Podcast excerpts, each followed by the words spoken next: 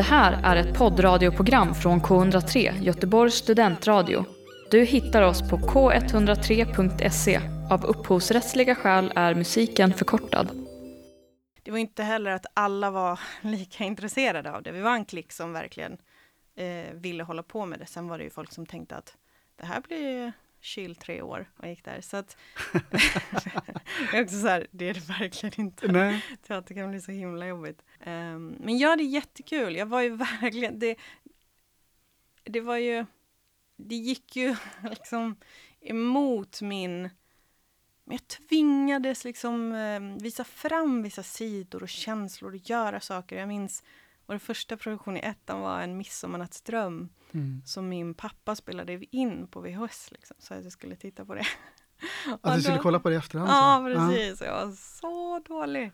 Jag var verkligen, man såg att allting i mig var ett problem.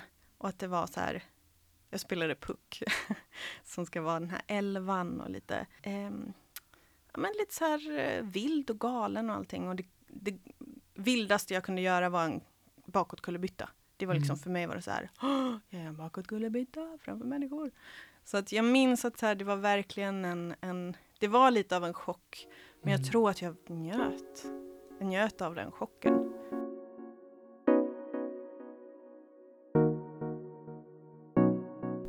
Välkommen till podcasten Äkta känner äkta, en podd om teater och film. Mitt namn är Marcus Standoft och säsongens första gäst heter Iskra. Ja. Välkommen till studion! Tack så mycket! Hur är läget med dig? Men det är bra. Det är mm. fint. Jag var lite... Det var som att jag hade glömt hur mörkt det blir på hösten. Så jag var mm. lite så här, oj, melankolisk när jag tog promenaden hit. Okay. Ja, du har gått hit till studion? Eh, nej, jag var i stan. Du, ah, okej. Okay. Ja, ja, ja. Vad har du gjort i helgen annars? Um, träffat lite vänner, uh, umgåtts mycket med Mårten som jag bor med. Mm. Uh, bara vilat, kollat på film. Typ, tagit det riktigt lugnt. Mm. Vad härligt. Ja, och det, det, är ändå värt att nämna, jag tänker att vi nämner det nu, men sen så släpper vi det att Mårten, din man, han har ju också varit gäst här. Ja, precis. har du blivit förvarad om någonting nu, innan ditt besök här? Nej, nej faktiskt inte. Jag lyssnade på det och tyckte det var jättefint och han sa också så här, Marcus är så fin, du ska inte vara stressad över något. Ja. Så att, eh, jag tänker att vi ska ha kul här ikväll. Ja, så att, eh, det låter bra. Ja. Men du, mm. vi ska köra igång med tio snabba. Oj, okay. Och de här tio snabba är helt nya, för det här är ju en helt ny säsong liksom. Så mm. att eh, det blir spännande. Mm.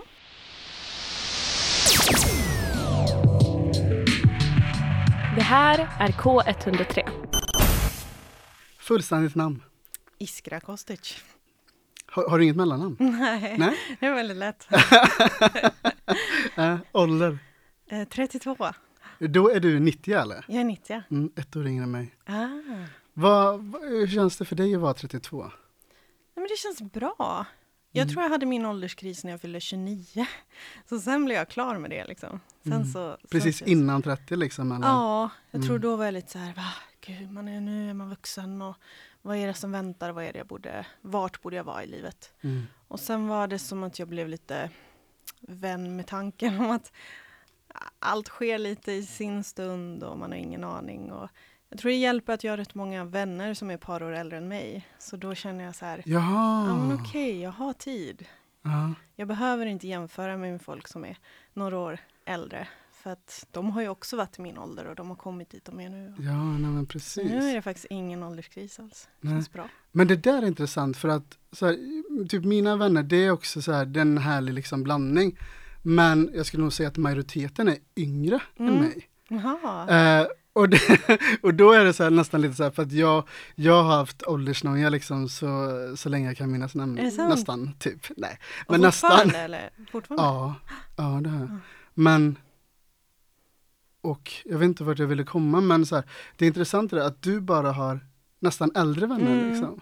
Men jag har ofta varit yngst i sammanhang. Jag började skolan ett år tidigare, så jag var mm. alltid yngst eh, i alla mina klasser. Och sen Sen var det väl något tag, ja men jag var yngst när jag gick folkhögskola också och sånt. Och så på scenskolan var det väl att jag var lite mellan. Där var jag, det var första gången jag inte var yngst. Mm. Men de vännerna som jag har kvar från eh, den tiden, liksom grundskola och folkhögskola, de är alla ett par år äldre än mig. Mm. Så att där är jag alltid yngst. Men tänker att vi är lika gamla. Ja. Men det är också så här med, med ålder, i den här åldern, Mm. då, då så här, man vet att det är åldersskillnad men det är inte alltid att det märks så mycket. Nej, liksom. verkligen. Och jag tycker att jag, alltså jag kan känna mig som 17 ibland. Alltså jag verkligen känner mig liten ibland. Så att 32 blir så här, äh, det är så abstrakt. Men på vilket sätt känner du dig 17? Nej, men jag känner så här, men gud, hur, hur ska jag veta hur livet funkar och hur allting funkar? Och nu, nu får jag massa ansvar. Mm. när vi fick bolån och köpte lägenhet så var det så här, nej men ni litar på mig. att jag kan ta hand om det. Jaha, ja, ja, ok- okej. Ja, för där det, det var en sån här klassisk grej som jag bara tänker på så här när det gäller att bli vuxen. Att, så här, lån och räkningar och liksom sånt som bara man förväntas ska kunna. Ah, nej, nej, nej. Det var, jag frågade min pappa väldigt mycket. Ja. Tur att han har koll. Ja, verkligen. Ja. Var gick senaste resan? Eh, och jag var i Mostar i Bosnien och Hercegovina för en eller två veckor sedan. Två Jaha, veckor sedan tror jag. Ja. Precis. Ah. Så det var verkligen nyligen. ja, det är verkligen färskt. Ja. Okej, vad hette staden sa du? Mostar. Måste. Okej. Precis. Min mamma är därifrån och mina Mm. morföräldrar och släktingar bor, hennes sida bor där. Så att eh, jag åker ner varje år och försöker att hälsa på min släkt. Så då var jag där, med henne faktiskt, med min mamma. Okej, hur, länge, hur länge var ni där? Liksom? Jag var där en vecka, En och vecka? sen stannade hon en vecka till och så kom min syster ner. Så liksom bytte av. Ja, okej, ja, ja, ja. Va, vad, vad gjorde ni där nere? Vad bestod resan av liksom? Ja, men det, var, det är ju mest, det är mest att vara med dem medan de finns i livet, mina Mm. morföräldrar. Det är, nu var det, jag brukar åka ner själv och då är det väl kanske lite tråkigare eller så här. Ja, jag gör inte så mycket. Nu var jag där med min mamma så att det, det var fortfarande varmt och vi promenerade. Badade du? Teater. Nej, när de har liksom bara en flod och sen eh, bassänger. Så att jag Okej. brukar inte bada så mycket där. Då åker man liksom vidare till Kroatien till exempel och badar i Mm. havet. Men vad sa du, var du på teater också? Ja, som föreställning en kväll Jaha, på teatern där i Mostar. Det var jättebra. vad var det för föreställning? Det var någon som handlade om livet i princip. Det var ett par, det var bara två på scen. Eh, och de skulle gifta sig och han började få lite kalla fötter och funderar just med så här, ah, vad är det som väntar i livet då? Är jag mogen nog? Och sen väljer de att leka resten av livet. Så de leker att de har gift sig och de får barn och de bråkar och han är otrogen och de får, liksom, barnen växer upp och de flyttar hela deras liv fram tills de är eh, gamla. Och sen är det som att de, ja, men de blir vän med att så här, det kan gå lite hur som och de vet inte det. Men de tycker det är kul nog att prova ändå. Så det är det som att de går och gifter sig ändå. Mm. Det var mysigt liksom. Ja, men den låter väldigt så här Ja. tankevärd på något sätt. Typ. Ja, faktiskt. Här, hela livet på en timme. Ja. ja, precis. Men var det, var det någon, liksom, här, någon eh, teater du har varit på innan eller? Nej, jag har inte varit där. Nej.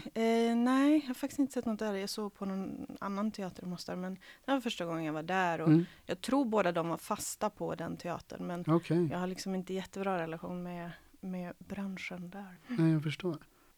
Vad, vad heter filmen du såg senast? Du har ju sett film nu i helgen sa du. Ja, Så nu får outa det här. okej. jag, såg, jag såg en idag. Jag såg Hokus Pokus 2. Va, Okej, va, nu får, du, nu får du pitcha det här för mig. Vad är det här alltså, för film? 1993 så gjordes Hokus Pokus, som Ja. är liksom, det är, det är en barnfilm. Ah, Eh, okej. och jag var barn när jag såg den, inte 93 för det var bara tre, men lite efter det. Mm. Eh, men då är det tre häxor som kommer tillbaka till en stad och det är väldigt komiskt, det är hon Bette Midler och andra. Ehm, men så har de gjort en tvåa nu nyligen, så Mm. då var vi lite nyfikna på att se om, om den är bra. Det är alltid det här, kan tvåor vara lika bra? Och nu när man Just tar in det. moderna skådespelare, moderna effekter, som vad händer då? Men jag tyckte den var rätt mysig. Och det är också det, nå- någonting när man har sett någonting som barn Ja, och det, det är allt från nostalgi till liksom så man såg på film med de ögonen just då Ja. till att se en fortsättning då. Men det var liksom en fortsättning på den ettan då ja, eller? ja precis. Ja. Ehm, ja, precis. Den, eh, den fortsätter, eller de liksom väcktes upp igen, fast nu är det ny tid. Och, Mm. ja, men jag tyckte, jag var ändå roade, jag tror det var mycket det att jag fortfarande hade lite ögonen från när jag såg den första. Eh, och satt och fnittrade lite så här, så, som ett barn och bara kul Mm. effekt. Men, men ser du ofta på barnfilm? Ja, jo men, jo men jag ser gärna, jag ser gärna filmer från tidigt 90-tal, både för barn och vuxna. Mm. Ehm, det är liksom min så här, sent 80-tal, tidigt 90-tal. Där tycker jag det är nice. Ehm, men absolut, jag ser barnfilmer och animerade och sånt också. Ja. Jag älskar det nämligen. Ah. Så att, eh, så jag blir bara glad att någon annan vuxen förutom jag själv kan liksom, men kollar du Disney och sånt också? Ja, men det gör jag inte lika mycket längre. Mm. Jag har försökt någon gång att säga, just det, vi ska se om den här eller någonting. Men eh, när jag har sett, men jag brukar ha hyfsat koll på de här Pixar-filmerna. Mm. De är som man bara som vuxen dör när man ser. Jag tycker de är så sorgliga. Ja, barnen bara, "Ah, okej. Eh, så de har jag nog sett lite då och då. Ja. Ja. Härligt, Mm. härligt. Ja, och nu kommer vi, för innan vi satte på henne så sa jag, ta med din telefon. För nu är jag nyfiken, Uh-oh. vilken är din mest spelade låt just nu? Ehm, hur ser man det? Nu ska vi se. Jag vet vilken jag har lyssnat på en hel del, men jag har ingen aning om det är den mest spelade. Men ta den, du, som, okej, men ta den som du lyfter, lyssnar oftast på just nu då. Just nu lyssnar jag på, um, ass, jag har ingen aning om man säger hans namn, Benjamin Hav, Hau. Han är Okej. dansk. Ehm, det är ju då Mårten som har liksom lyssnat på den hemma, lite halvironiskt tror jag, och så var jag så här, nej men det här är lite nice. Den Mm. heter Spice Up Your Life. Det är inte Spice Girls-versionen. Nej, Det är en ny. sätt på lite på Ska jag den. sätta på? Ja. Okej, nu ska vi se här. Jeg sagde, vi kunne mødes om et par dage Hvis nu du ikke er død Jeg kan ikke huske, hvad du sagde Men jeg kan huske, hvad det betød Du sagde, hvis du går, kom ikke tilbage Ja, i satte mig Gud vad spännande, för, det, för det här, den har jag aldrig hört, eller hört talas om den här artisten. nej, inte jag heller. Eh, Nej. Utan det var, jag liksom hörde den hemma. Jag tror det var lite snack om det. Haha, men det är lite halvironisk musik. Jag, vet, jag kanske också hittar på att det är ironiskt, kanske helt seriöst. Eh, jag har för mig att vi har så här skämtat lite om det typ. Um, ja, så här, ja men jag vet inte, jag ska inte... Men förstår du vad artisten rappar om? Ja, jag- jag förstår och så i mitt huvud så sjunger jag det perfekt. Så det är väl därför Ah. jag, jag vågar inte riktigt ännu prata på danska, jag förstår det helt. Eh, men jag tycker jag låter lite löjlig när jag pratar det. Men då så sjunger jag den här i mitt huvud och bara, gud vad bra jag är. Ah. ja men fan vad härligt. Den, den verkar bra. Ja, jag gillar ändå rap. Ja. Ja. Ja men det är jag också, den är Ja. rätt mysig. Men vad, vad lyssnar du för, vilken genre av, eller vilken typ av musik lyssnar du på mest liksom? Är det rap? Oj, jag lyssnar verkligen på allt. Äldre rock, eh, också rap absolut. Och liksom, ja, jag vet inte, pop kanske också. Jag lyssnar verkligen på allting. Mm. Eh, mycket jazz. Det, det går verkligen i perioder typ. Jag Mm. hamnar i någonting och sen bara, nej men nu är det nytt, nu ska jag ta något annat. Och, Det är också det som jag tycker är så fint med musik, att men beroende på sin, sinnesstämning Mm. eller vilken eh, period man befinner sig i så, eller jag kan verkligen reflektera över mig själv att jag bara, ah men shit, nu har jag verkligen lyssnat mycket på den här typen av musik. ja, verkligen. Vad säger det liksom om, Ja. antingen om hur jag mår eller liksom vad jag befinner mig i för period i livet? Gud, ja, och att det, nästan kan bli liksom en spiral. Att så här, men jag känner mig lite nere så jag lyssnar på den här typen av musik. Och sen så märker man att så här, oj, den här musiken gör ju mig ännu deppigare. Ja. jag måste ha något annat nu, för det här går inte. Ja. Jag tror jag hade en period när jag bara så här, åh, hörde Billie Eilish och bara liksom, hon är så himla känslosam. Och jag tror, jag var väl lite nere då, så lyssnade jag på och så tänkte jag så här, nej men det här, nu blir jag ju bara deppigare, det här går ju liksom inte.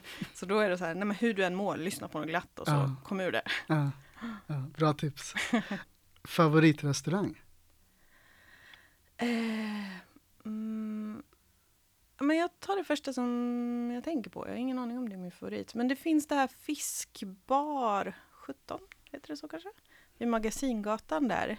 Mhm. Där finns det en fiskrestaurang, jätteliten och inte många ställen att sitta på. Liksom. Men de har färska fiskrätter varje dag. Tror jag. Eh, där har det varit flera gånger vi har ätit och så här, Ja. mm, det här är vi sugna på. Så den, ja, Den gillar jag. Mm. Jag har faktiskt aldrig hört talas om den. Nej, Men jag tycker om fisk så den... ja men du ja, borde prova den. Det är var väldigt, ett, verkligen ett bra tips. Ja. Liksom.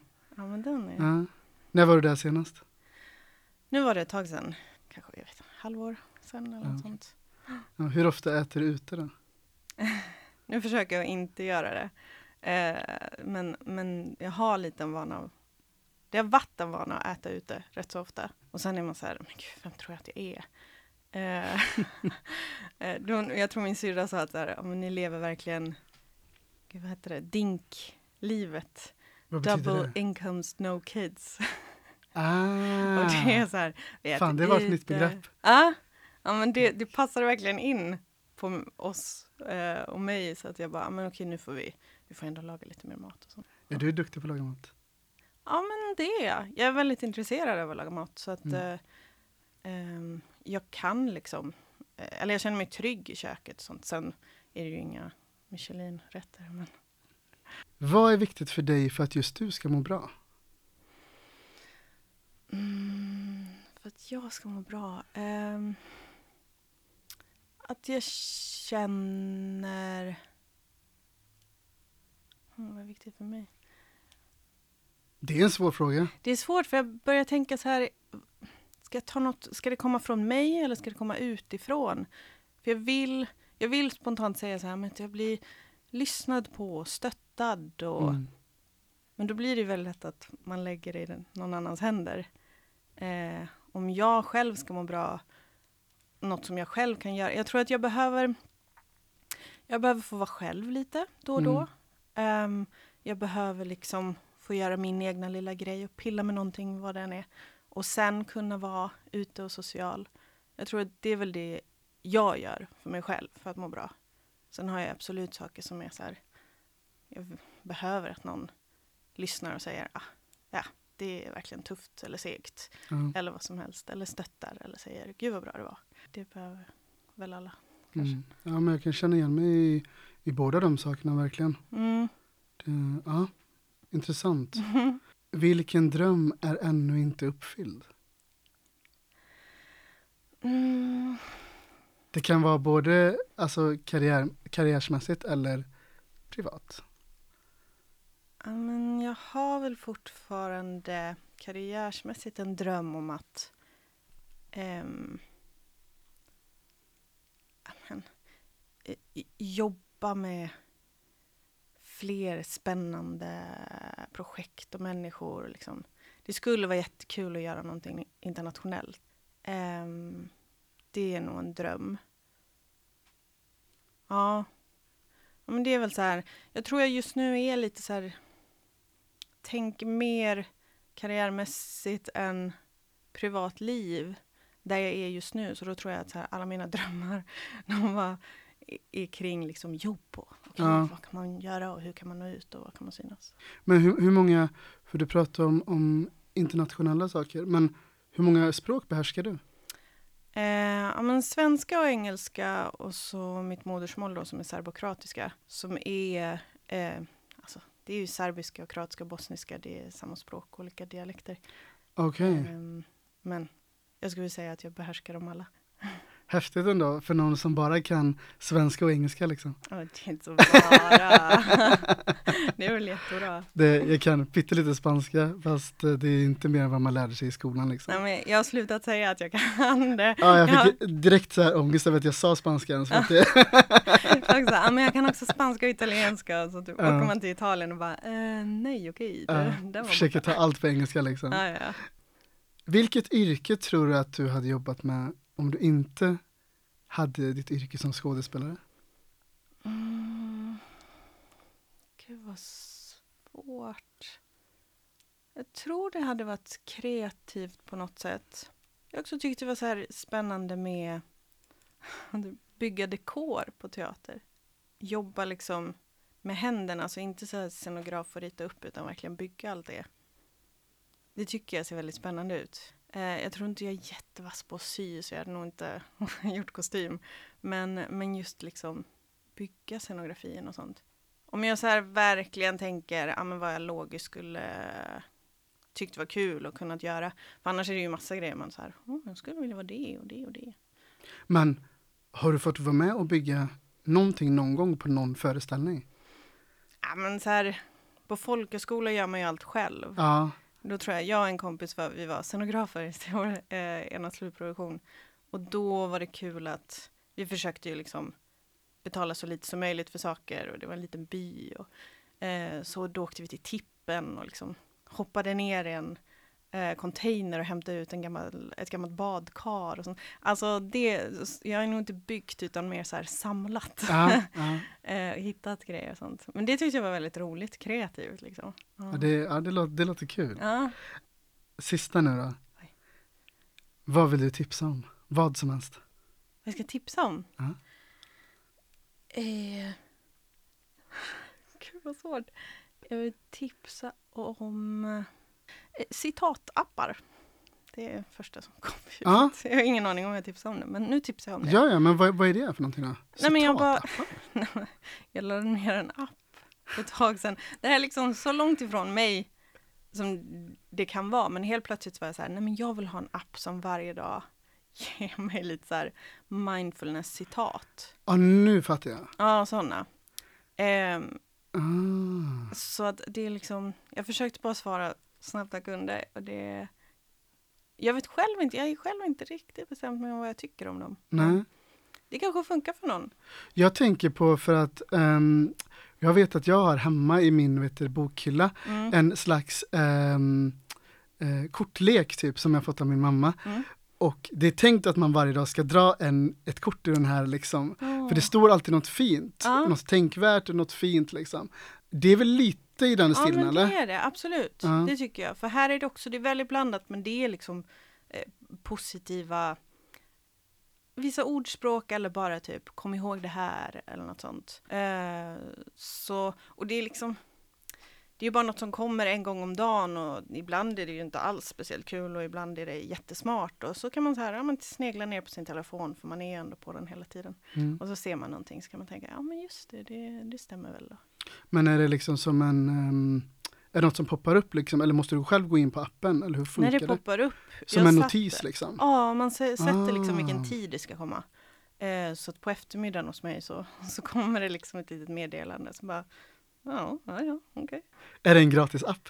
Ja, det här är, jag Ah. tror det säkert finns betalversioner och Ja. sånt. Men den har, mm. Men det, det, var, det var väl skitbra tips? Var det bra tips om det? Ja, ja. det är någonting som jag hade kunnat tänka mig att ladda ner. Ja, men vad bra, vad kul. Jag tror det är för att det är liksom eh, ehm, lite långt ifrån mig, men, men just nu är det aktuellt här. Så att jag är Mm. också lite så här, men gud, jag vet ju inte än vad jag tänker om det här. Det kan jag väl inte tipsa om då.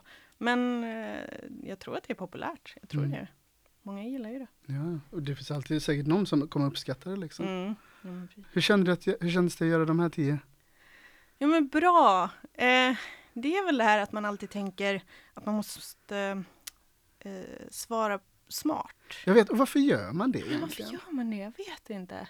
Jag tror det, det är någonting med att så här, ah, okej, när man spelar in då blir det så permanent och jag måste säga någonting som för alltid kommer passa in på mig. Mm. Men jag ändras ju hela tiden. Det- Man gör ju det som person. Ja, precis. Så att det är Mm. också att så här, min första tanke blir alltså, ah, svart, s- nu, nu ska du svara på ett smart sätt och sen så får jag liksom så här, nej, det här var det första som kom, säg Mm. det. Ja, ja, det, ja, om det är någonting jag tar med mig så är det de här citatapparna. Ja, vad kul. Faktiskt. Vad Ja, bra. det, jag tyckte det var fint. Du lyssnar just nu på en radiostation som är del av SRS, studentradion i Sverige. Men du, eh, vi ska prata lite om din uppväxt. Var är du uppvuxen någonstans? Var ju lite överallt. Okej, vart började du då? Året var... Eh, jag föddes i forna Jugoslavien, Mm. ehm, i det som nu är Kroatien. ja. Men mina föräldrar är mixade, vi är liksom från hela Balkan. Så att mina första, men knappt tre år, så, så bodde vi där nere. Och sen så, på grund av lite sega omständigheter, Mm. med krig, innebördskrig och så, så eh, kom vi till Sverige. Ehm, så då, fram tills jag var nio, bodde jag i Småland. Jag gick mina tre första skolor där och lärde mig svenska. Så vi bodde i Kalmar och en liten by utanför som heter Rockneby. Eh, var väldigt liksom, ja men skyddat. För oss barn i alla fall kändes väldigt här skyddat och tryggt och litet och gulligt. Och sen från 9 till 19 så växte jag upp i Helsingborg. Så att det är väl där jag brukar säga att jag är ifrån. Ehm, nu har jag ju efter gymnasiet, alltså, det var många som flyttade därifrån så jag har inte riktigt samma relation till Helsingborg. Jag åker ju ner och hälsar på mina föräldrar. Men Mm. eh, Okej, de bor där liksom? ja, de bor där. Ah. Men stan har ju ingen, liksom, det är ju nytt och byggs om och ändras. Eh, och sen efter det har jag, jag har flyttat jättemycket, lite överallt. Svalöv, eh, Oslo, Prag, Stockholm, Göteborg. Det, ja, det är lite det som är till med det här yrket också. Ja, verkligen. Allt från utbildningar till jobb och liksom. Ja. Men okej, Helsingborg, men hur var att växa upp där? Ehm, Minns du det som liksom en positiv tid? Att växa upp i Helsingborg? men jag tror det. Det började inte så positivt. Det var liksom en liten chock att komma från en så skyddad liten by till storstan och eh, första året i skolan, jag blev mobbad och helt så här, va, vad är det? Varför beter sig folk sådär? Um, sen, jag gick en musikgrundskola som var, ja men det är väldigt mysigt, det är liksom inte det här tuffa gäng och cool Nej. alltså. Jag gillade musik och sånt. Eh, så jag tyckte väl det var jag tyckte väl det var en fin, fin tid. Jag gick teater på gymnasiet och verkligen så här hittade ett lugn i mig själv med det och fina vänner. Och, så att, nej men jag, jag minns det som väldigt fint. Jag tror att jag automatiskt går jag på så här, ah, barndom, uh, Mm. suck, ångest. Men det var ju egentligen fint. Fin tid. Men, men okej, så först gick du på en, en musikskola. Mm. Men hur, hur blev det liksom att du tog steget till teater sen på gymnasiet? Du, jag frågar mig det rätt ofta. Alltså, Men var det bara liksom helt, alltså, Ja men nästan. Alltså, jag tror att så här, jag var rätt, jag var väldigt mm, lugn och så här för mig själv och tillbakadragen utåt i skolan eller bland andra. mm, Eh, den som så här iakttar och lyssnar. Men hemma eller när jag var bland människor som jag kände mig väldigt trygg med så var jag liksom kalas. Jag gjorde föreställningar och hittade på berättelser och var liksom ah crazy. På något sätt har det väl alltid funnits där. Men jag tror att alla blev chockade av att jag valde det utåt också. Liksom, att nu ska jag offentligt hålla på med teater. Eh, så att det minns jag inte. Jag minns att jag så kollade i katalogen man skulle välja vilket program man skulle gå på. Och att jag läste det och bara kände så här, nej men jag tror att jag vill göra det här. Så jag minns det liksom bara som att så här, ja ja, det är väl det jag ska göra. och inte typ, ja men det här har jag drömt om. nej.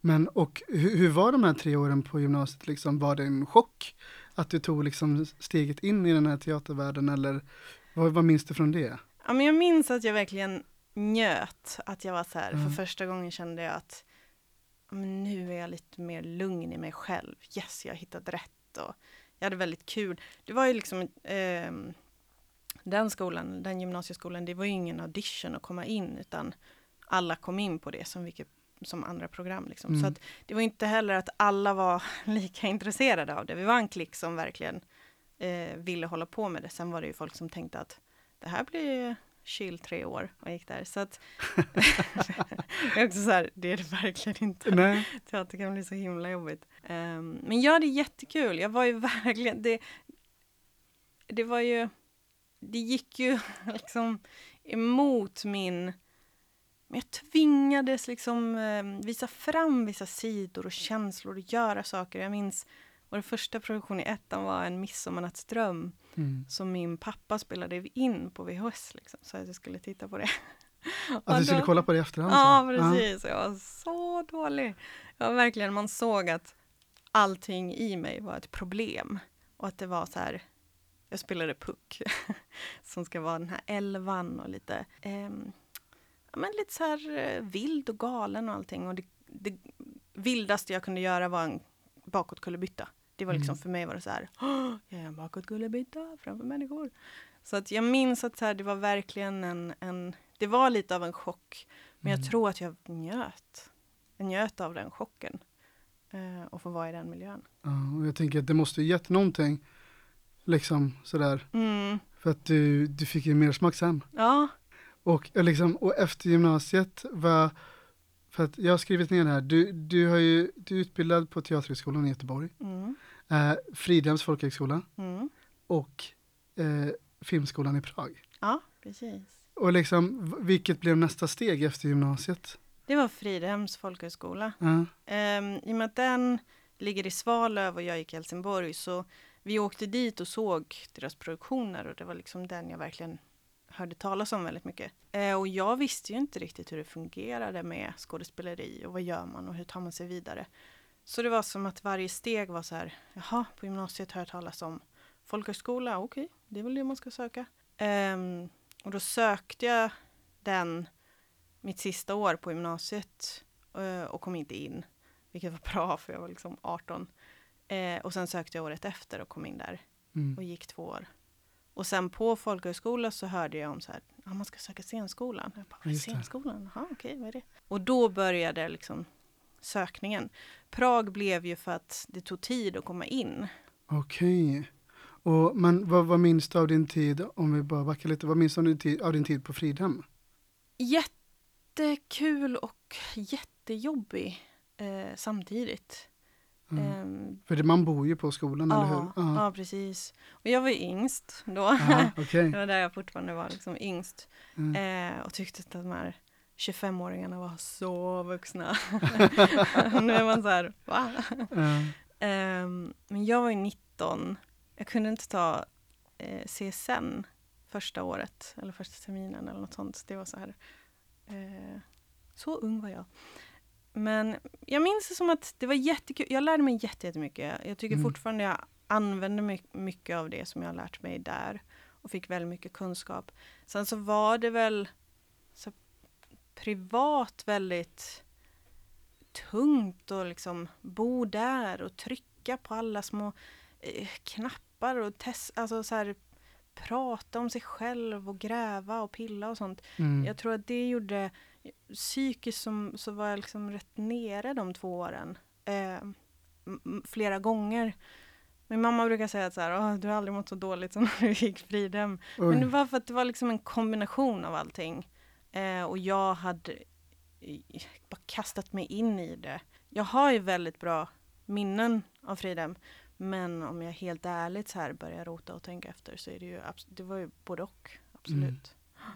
Jag bara tänker så här, jag undrar också vad liksom, ifall det hade med ålder att göra eller liksom Ja, ifall det var andra faktorer eller, för jag kan bara tala utifrån mig själv men att alltså hade jag varit 19 och flyttat till något ställe och, och börjat jobba med teater så Mm. intensivt, då tror jag att jag också liksom Mm. hade upplevt det väldigt jobbigt liksom. Ja, ja, men det kanske är det. Det kanske var just åldern och, och att det var så mycket. Det handlade så himla mycket om att bo själv Mm. eller bo på internat. Och jag är väl inte liksom den som orkar festa varje kväll och det var ju verkligen det alla gjorde. Ja, det så, kan jag tro. Ja, men så Ja. hamnar man lite så här, åh jag borde, jag orkar inte." Alltså den också grejen. Och jag tror att när man fysiskt är väldigt trött så blir man ju också, då är det svårt att hålla upp eh, eh, den psykiska Ja. piggheten också. Så. Men hur, hur, länge, hur lång var utbildningen i Prag?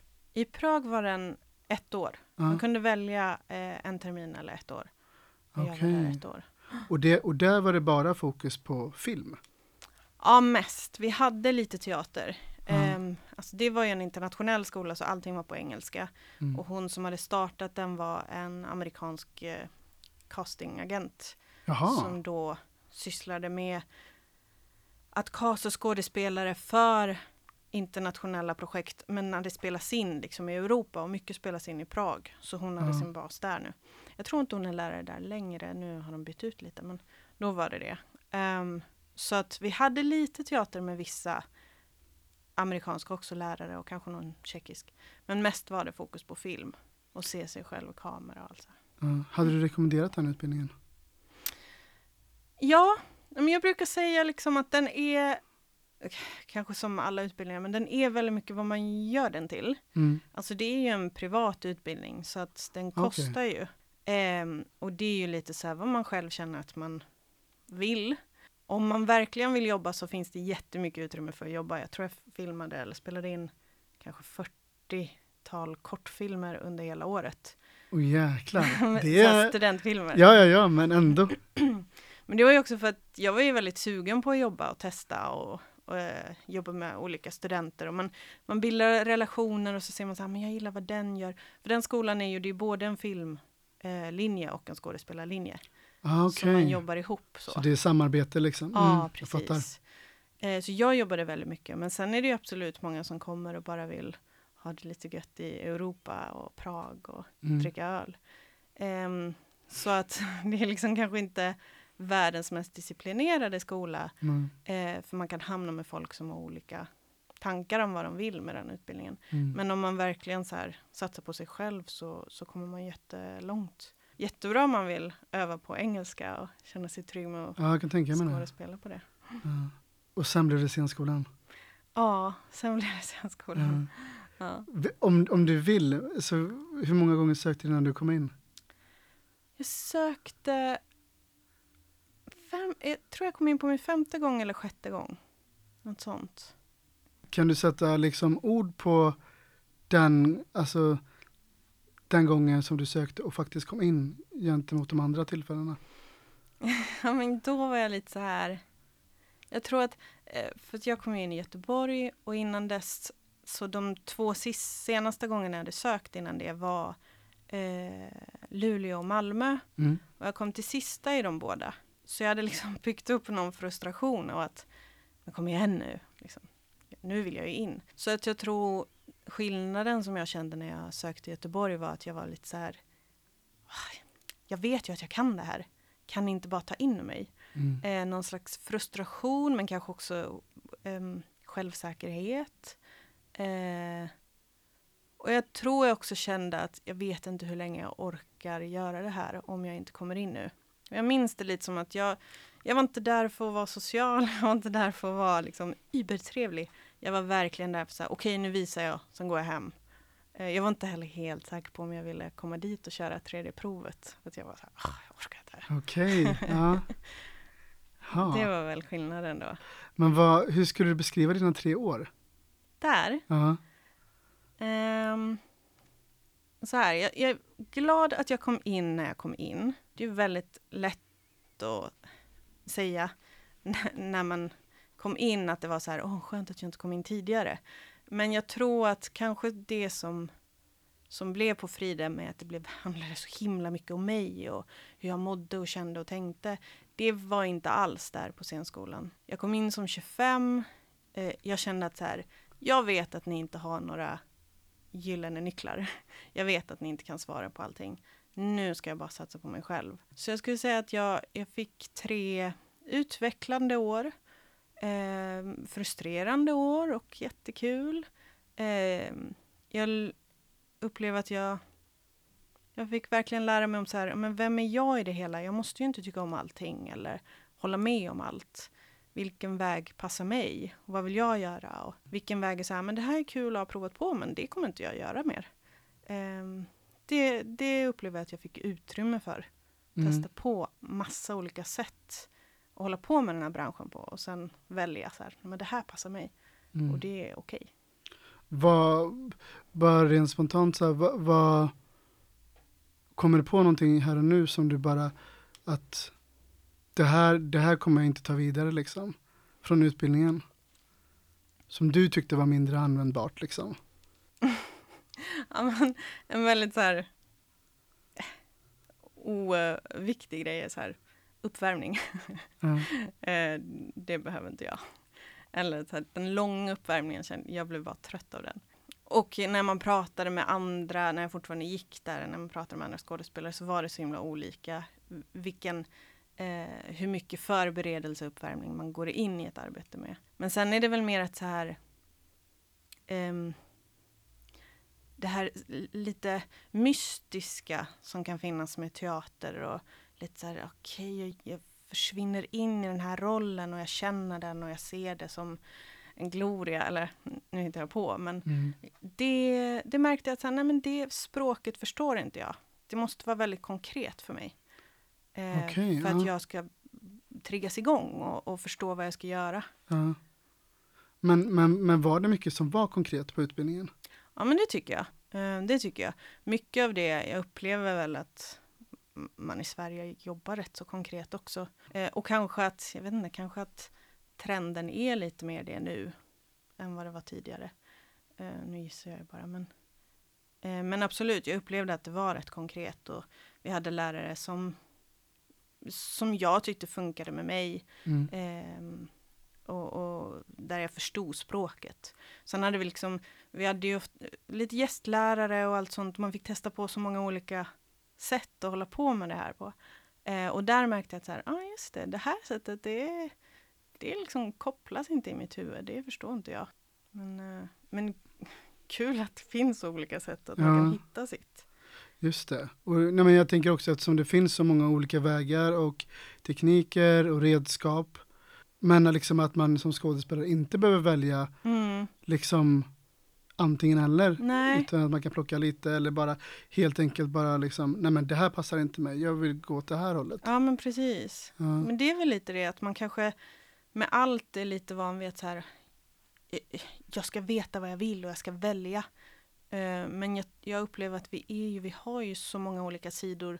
Så det behöver, det behöver liksom inte vara antingen eller utan Mm. man kan plocka och bygga någonting eget som funkar för en själv. Och det är också kanske så här, ja men på hösten funkar det här för mig, på våren funkar det här. Det Mm. får också vara okej. Vad, vad var din känsla på under examen? När vi gick ut. Ja. Eh, men jag, jag var glad. Alltså jag kände att så här, nu vill, nu vill jag ut och jobba. Jag tror jag var väldigt sugen på att jobba. Eh, så att det var inte så här, åh nej, ett år till. Mm. Men eh, jag var nog pepp på att gå ut och, och testa och lära mig. Och jag upplevde att jag lärde mig så himla mycket under min praktik. Mm. Och då ville jag ju bara vidare. Så här, vad kommer mer? Och din praktik hade du på Backa teater, eller hur? Mm, precis. Där jag också sen hade mitt första jobb efter skolan. Ja. Så det var tryggt att komma tillbaka och säga, ja men jag vet lite hur det funkar och jag känner folk och byggnaden. Vilken föreställning hade du din praktik på? Eh, Jeanne d'Arc. Just det ja. Ah. Precis. Ja. Och vilken var, vilken var föreställningen efter det? Eh, vad vi pratar om när vi pratar om ekonomi. Lång titel. ja, men också ganska stora kontraster mellan föreställningar kan jag tänka mig. Ja, väldigt. Ja. Väldigt stora.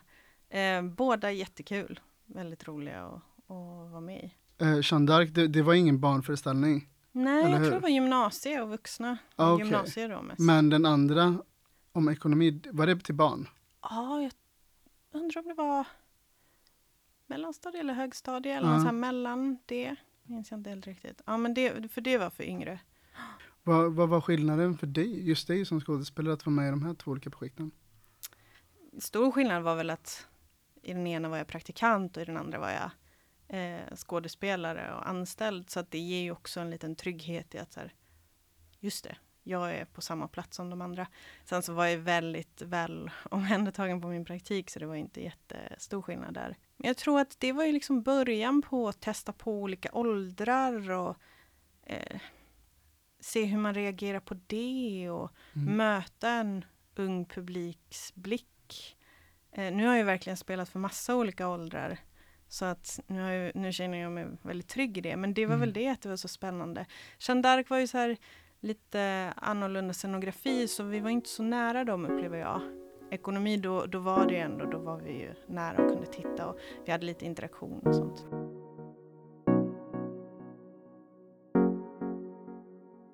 Men om du skulle beskriva ditt yrke, hur, hur, hur kan en arbetsdag eh, just för dig då se ut?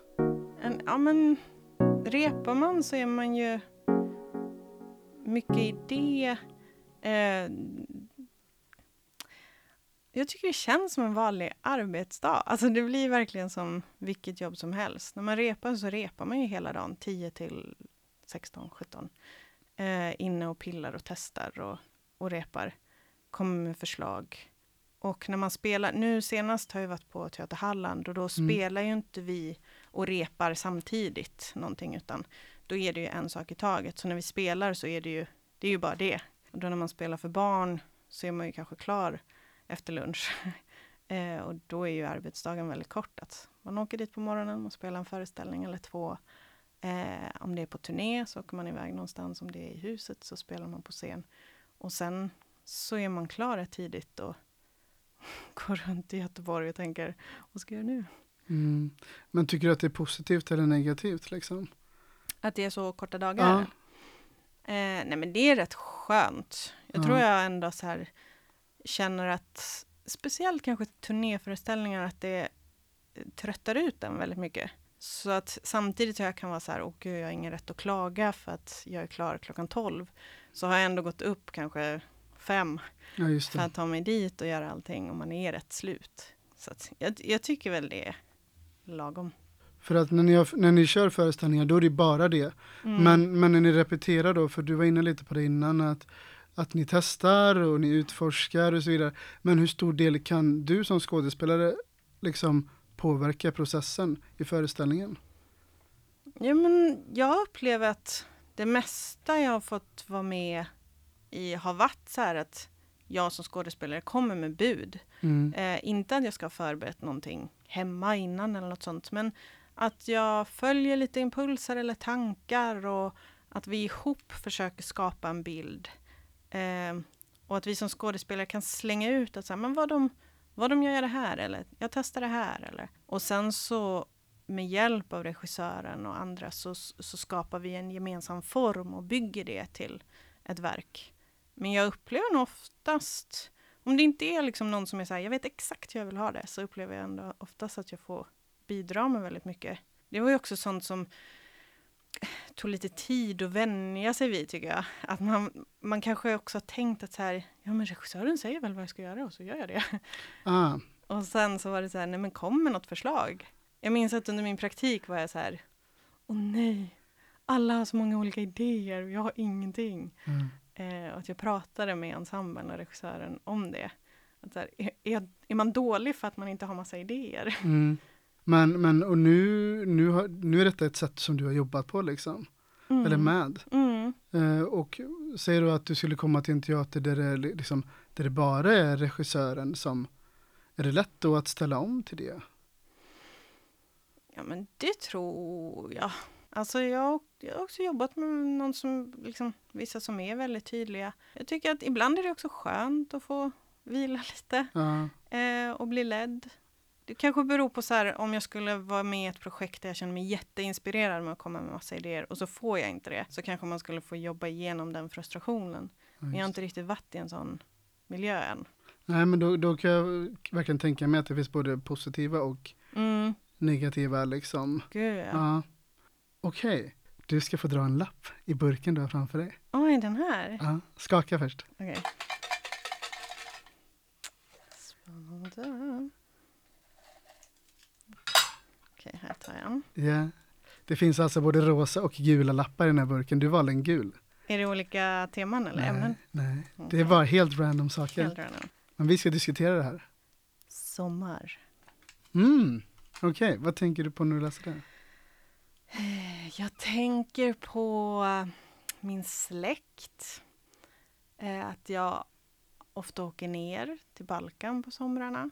Tänker på att det är oftast i den tiden jag får äga eh, och bestämma vad jag vill göra under Mm. de veckorna. Det blir ju mycket på en teater att eh, föreställningar kan dyka upp eller scheman kan ändras och man ska fråga mycket om lov, vilket jag det, det jag tyckte var lite svårt att säga, gud vad sjukt, jag äger inte min egna tid. Eh, och då är de här sex veckorna under sommaren som jag känner, jag får göra precis vad jag vill.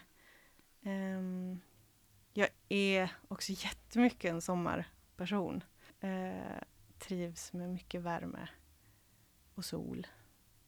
Så jag tror, jag tror faktiskt, ja, jag tror jag tänker väldigt mycket på min familj och min släkt. Ja, att du förknippar sommaren med... Ja, jag åker ner väldigt mycket och träffar dem. Och, Är du där varje sommar? ja, så när jag var barn var vi där hela sommaren, liksom två månader Ah, nästan. Oj, shit. Eh, varje sommar hela tiden. Och sen som vuxen så började jag åka själv och då får, har det alltid anpassats till jobb eller Ja, semester och klart. allt sånt. Men, men varje år, corona var väl enda tiden som, det inte, som jag inte åkte ner. Mm. Men annars varje år och oftast på somrarna.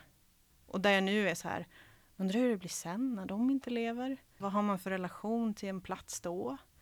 Eh, kommer jag åka ner? Kommer jag åka någon annanstans? Vad ska jag då åka? Ja, just det. Sånt. Sista frågan. Oj, okej. Ja. Vad har du sett fram emot under tidsperioden ett år? Nu det här sista året? Nej, under år, alltså ett år fram nu. Ett år fram? Från idag. Vad du sett fram emot? Men jag...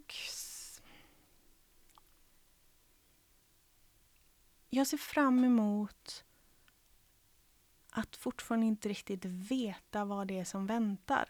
Just nu är en period där jag liksom... Jag tog ledigt den här hösten, så jag jobbar inte. Och sen har jag ett projekt i vår. Och sen vet jag inte. Och jag är en person som gärna vill veta och planera.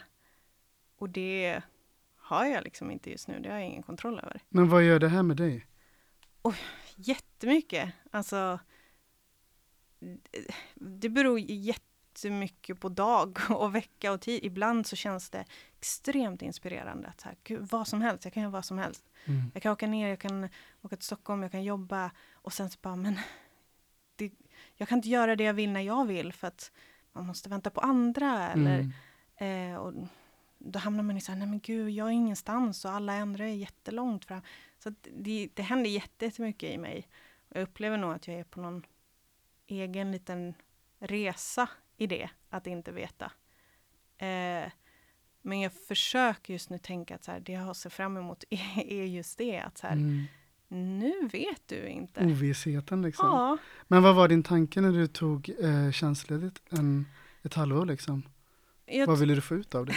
jag ville, alltså helt ärligt vill jag ju filma mer. Ja. Eh, upplevde att det var jättesvårt att kombinera teater och film. Eh, och jag ville kunna provfilma mer och eventuellt filma grejer. Och sen så har jag upplevt det väldigt svårt att få kontakt. Jag är verkligen jag är ute och försöker liksom kontakta folk och finnas Mhm. där. Ehm, så har jag filmat lite grann, inte jättemycket, träffat lite folk här och där. Men det var väl min förhoppning någonstans. Och sen när hösten kom och det kändes mycket mindre än, än vad jag hade hoppats på så var det så här, oj, ja just det, så här ser ju verkligheten ut. Och, Mm. eh, eh, vem är jag när jag inte jobbar? Och kan jag vara nöjd med det jag har?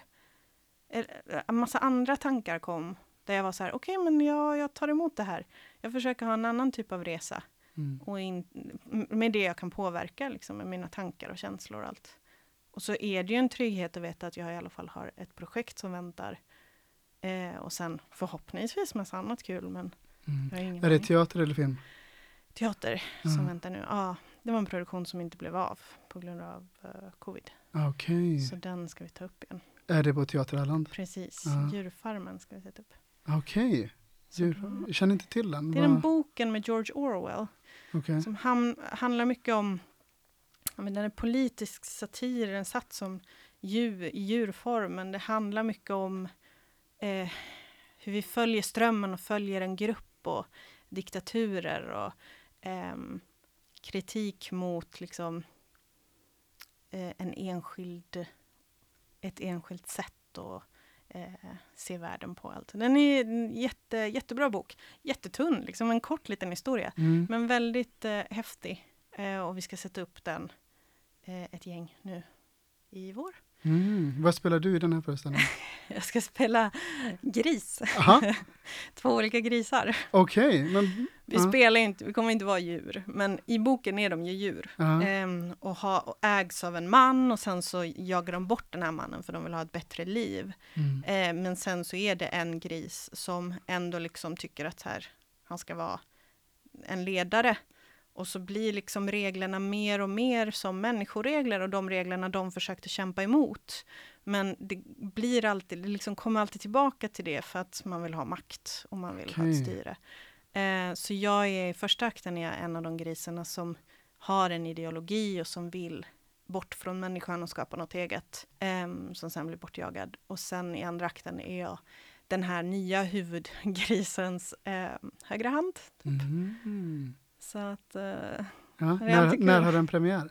och eh, jag tror februari någon gång. Okej. Ehm, jag, jag, tror, ja, jag tror vi har väldigt korta repveckor och sen så kör vi igång. Så Ja. det ska bli väldigt kul. Ja. Men, eh, och den här kommer ni turnera med eller kommer ni Ja. bara köra? Nej, vi ska turnera med den och Ja. lite runt om i Sverige. Det kommer vara gymnasie och vuxna. Så att då de har gjort det med en tidigare produktion och då är de lite på olika ställen. Eh, tror Jönköping och alltså, så att man, man kommer runt lite i, i Sverige där det bokas. Mm. Och sen några stycken då på Teater Halland i Varberg. Okej, N- när skulle jag till exempel kunna få se den? Eh, du kan komma till eh, Teater Halland i Varberg. Ja. Kör ni på helger också eller bara veckor? Jag tror vissa helger kommer säkert vara. Ja. Ehm, eh, jag tror när det är för gymnasieskolor så är det på dagen, ehm, på veckodagar. Och sen vissa även vecko eller vardagar och helger så är det kvällar. Men jag tror det brukar vara rätt så blandat eh, med både kvällar och dagar just för sådana här föreställningar. Ehm, och att det är kanske vissa kommuner bokar just bara för vuxen kvällsföreställningar då. Du får hålla mig uppdaterad. Ja, det ska jag göra. Jag ska Den, den, ja, den kan jag tänka mig att se. Ja, men det ska bli roligt tror jag. Ja. Det blir kul att vara lite gris. ja, härligt ändå. Eh, vi är klara här nu. Nej men gud vad... Hur känns det här för dig? Ja, men det var ju inte så farligt. Nej. Eh, Jag var, jag var ändå lite så nervös i början. Eh, Jag tror jag tänkte så här, men varför vill hon prata med mig? Eller vad ska jag säga? Och sen så tyckte jag det var väldigt bekvämt att prata med dig. Men detsamma verkligen. Och jag ska också säga, jag var också nervös för att det var det är över ett år sedan jag satt i den här studion och Poddade för att jag haft ett uppehåll liksom. Så du är verkligen min första gäst på den här Oj. säsongen. Så det var ändå så länge sedan. Ja, det är så Ah. länge sedan liksom. Så att, eh, men dels var det så här mycket om tekniken, bara shit, har jag koll på allting nu? Du vet så här, så att inte jag ställer in några fel knappar. Men också så här att det var lite som att jag hade glömt av känslan att sitta så här intimt och prata Ja. med en person. Ja, det är verkligen intimt. Ja, Det är verkligen som att så här, det, det skulle kunna gå vilket håll som helst. Och man skulle Mm. kunna prata om vad som helst. För att det känns, det känns liksom tryggt och som i en liten bubbla. mm. Och jag tycker också det är så eh, det är inte jättevanligt tycker jag att vi ställer så mycket frågor till varandra. Eh, oftast så när man umgås så känner man varandra så vet man saker om varandra och så pratar man bara om, om hur gick det på jobbet eller träffade den här personen eller någonting. Mm. Men just att så här, faktiskt fråga vissa grejer eh, så, ehm, ja, men så intimt och så liksom Mm. personligt. Det, det är ovanligt tycker jag. Verkligen, och det är som du säger, det, det blir verkligen som en liten bubbla här inne. För att så här, man stänger dörren om sig, man har fokus på frågorna, fokus på dig, du har fokus på mig. Eh, och liksom så här, så att eh, det blir som en egen värld, Ja, en egen verkligen. poddvärld liksom. Men jag, jag tycker att det är lite härligt att försvinna in i den här Ja, ibland. gud, det tycker jag också. Men verkligen tack för din tid och för att du ville komma hit. Ja, tack så jättemycket för att jag fick komma hit. Ja. Jättefint att prata med dig. Och med de här orden så säger jag att du har lyssnat på ett avsnitt av Äkta känner äkta med mig, Marcus Standoft och Iskra Kostic. tack för din tid. Tack så mycket. Ha det bra, hej då! Hej! Aj! Vad Ja. kul! Det är också så sjukt att höra allting. jag Din röst är liksom precis nära mig så man bara oj, Mm. det blir liksom så sensuellt och nära Ja. också. Nej men Det är verkligen. inte heller så ofta man pratar så med varandra. Nej. Okej. Men också så här, alltså att bara faktiskt under typ en timme bara sitta och kolla någon i ögonen Ah. och Ja, ställa frågor liksom. Ja. Och prata och diskutera om olika saker. gud ja. Och själv också få tänka till. För jag har verkligen så här, jag har ju lyssnat på flera avsnitt Mm. och tyckte det var jättekul att höra om sp- speciellt liksom folk man känner Mm. Att också så här, åh vad, vad kul att få höra mer om den. Bara senast idag lyssnade jag på Emelie Strömberg, Ah, tal om Jeanne d'Arc. ah, Eh, och var så här, gud vad roligt, vi känner ju varandra och jag känner till om allt det hon pratar om. Ja, och var just det. där för vissa grejer. ah, Och nu hör jag henne upptäcka saker kring Och hennes själv. tankar och hennes Precis. ögon som har Ja. upplevt eller sett saker och ting. Och att hon Ja. var så här, gud jag kommer inte ihåg någonting. Och man bara, du kommer ihåg jättemycket. Jag hade aldrig kunnat svara på det här. Hon bara, ah, det var men- kul. Gud vad härligt. Du har hört en poddradioversion av ett program från K103. Alla våra program hittar du på k103.se. Följ oss gärna på Facebook eller på Instagram. Vi hörs!